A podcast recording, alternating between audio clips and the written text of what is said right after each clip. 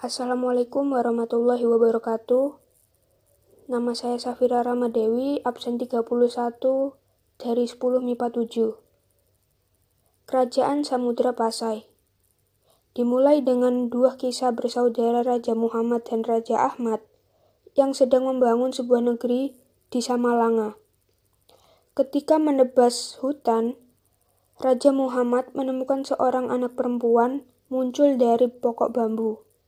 Anak itu diberi nama Putri Betung. Raja Ahmad mendapat seorang anak laki-laki yang dibawa oleh seekor gajah.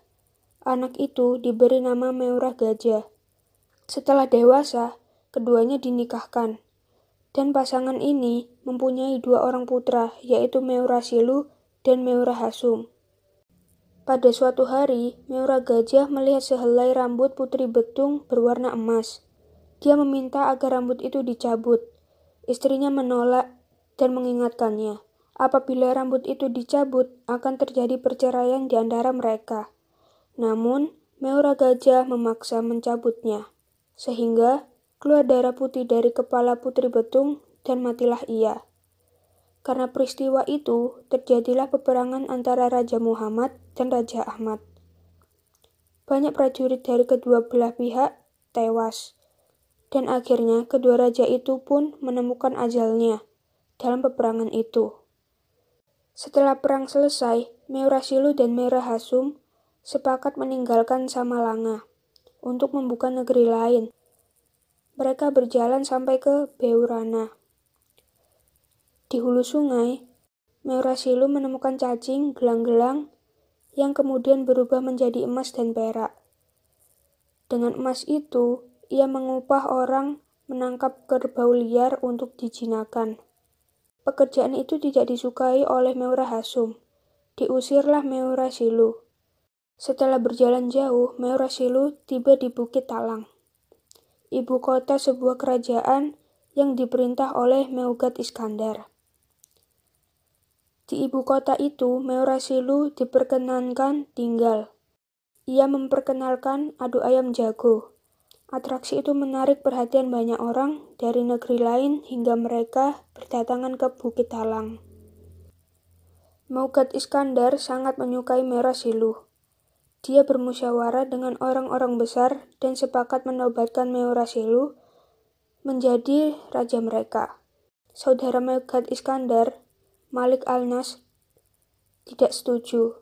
Terjadi peperangan di antara keduanya. Malik Al-Nas kalah.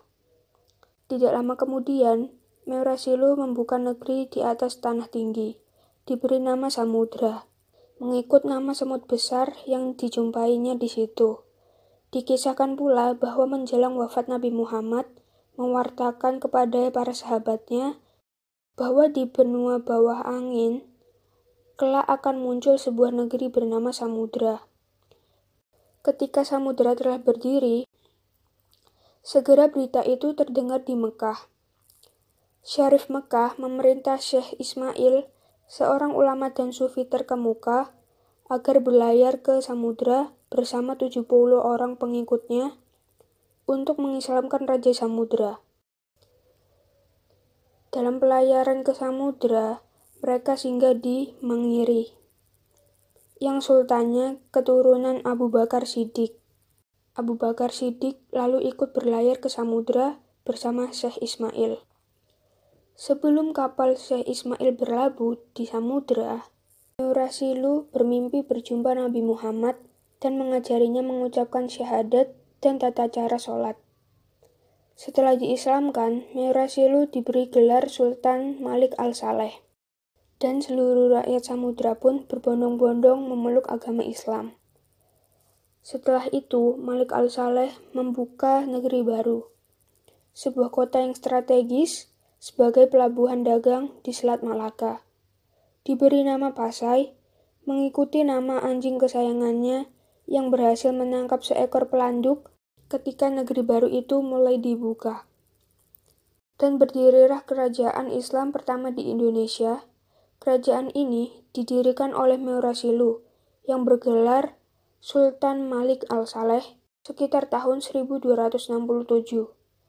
Kerajaan Samudra Pasai yang terletak di desa Beuringin, pesisir Sumatera sebelah utara, sekitar 17 km sebelah timur Lok Sumawe, Aceh. Sekian dari saya. Mohon maaf apabila ada salah kata. Wassalamualaikum warahmatullahi wabarakatuh.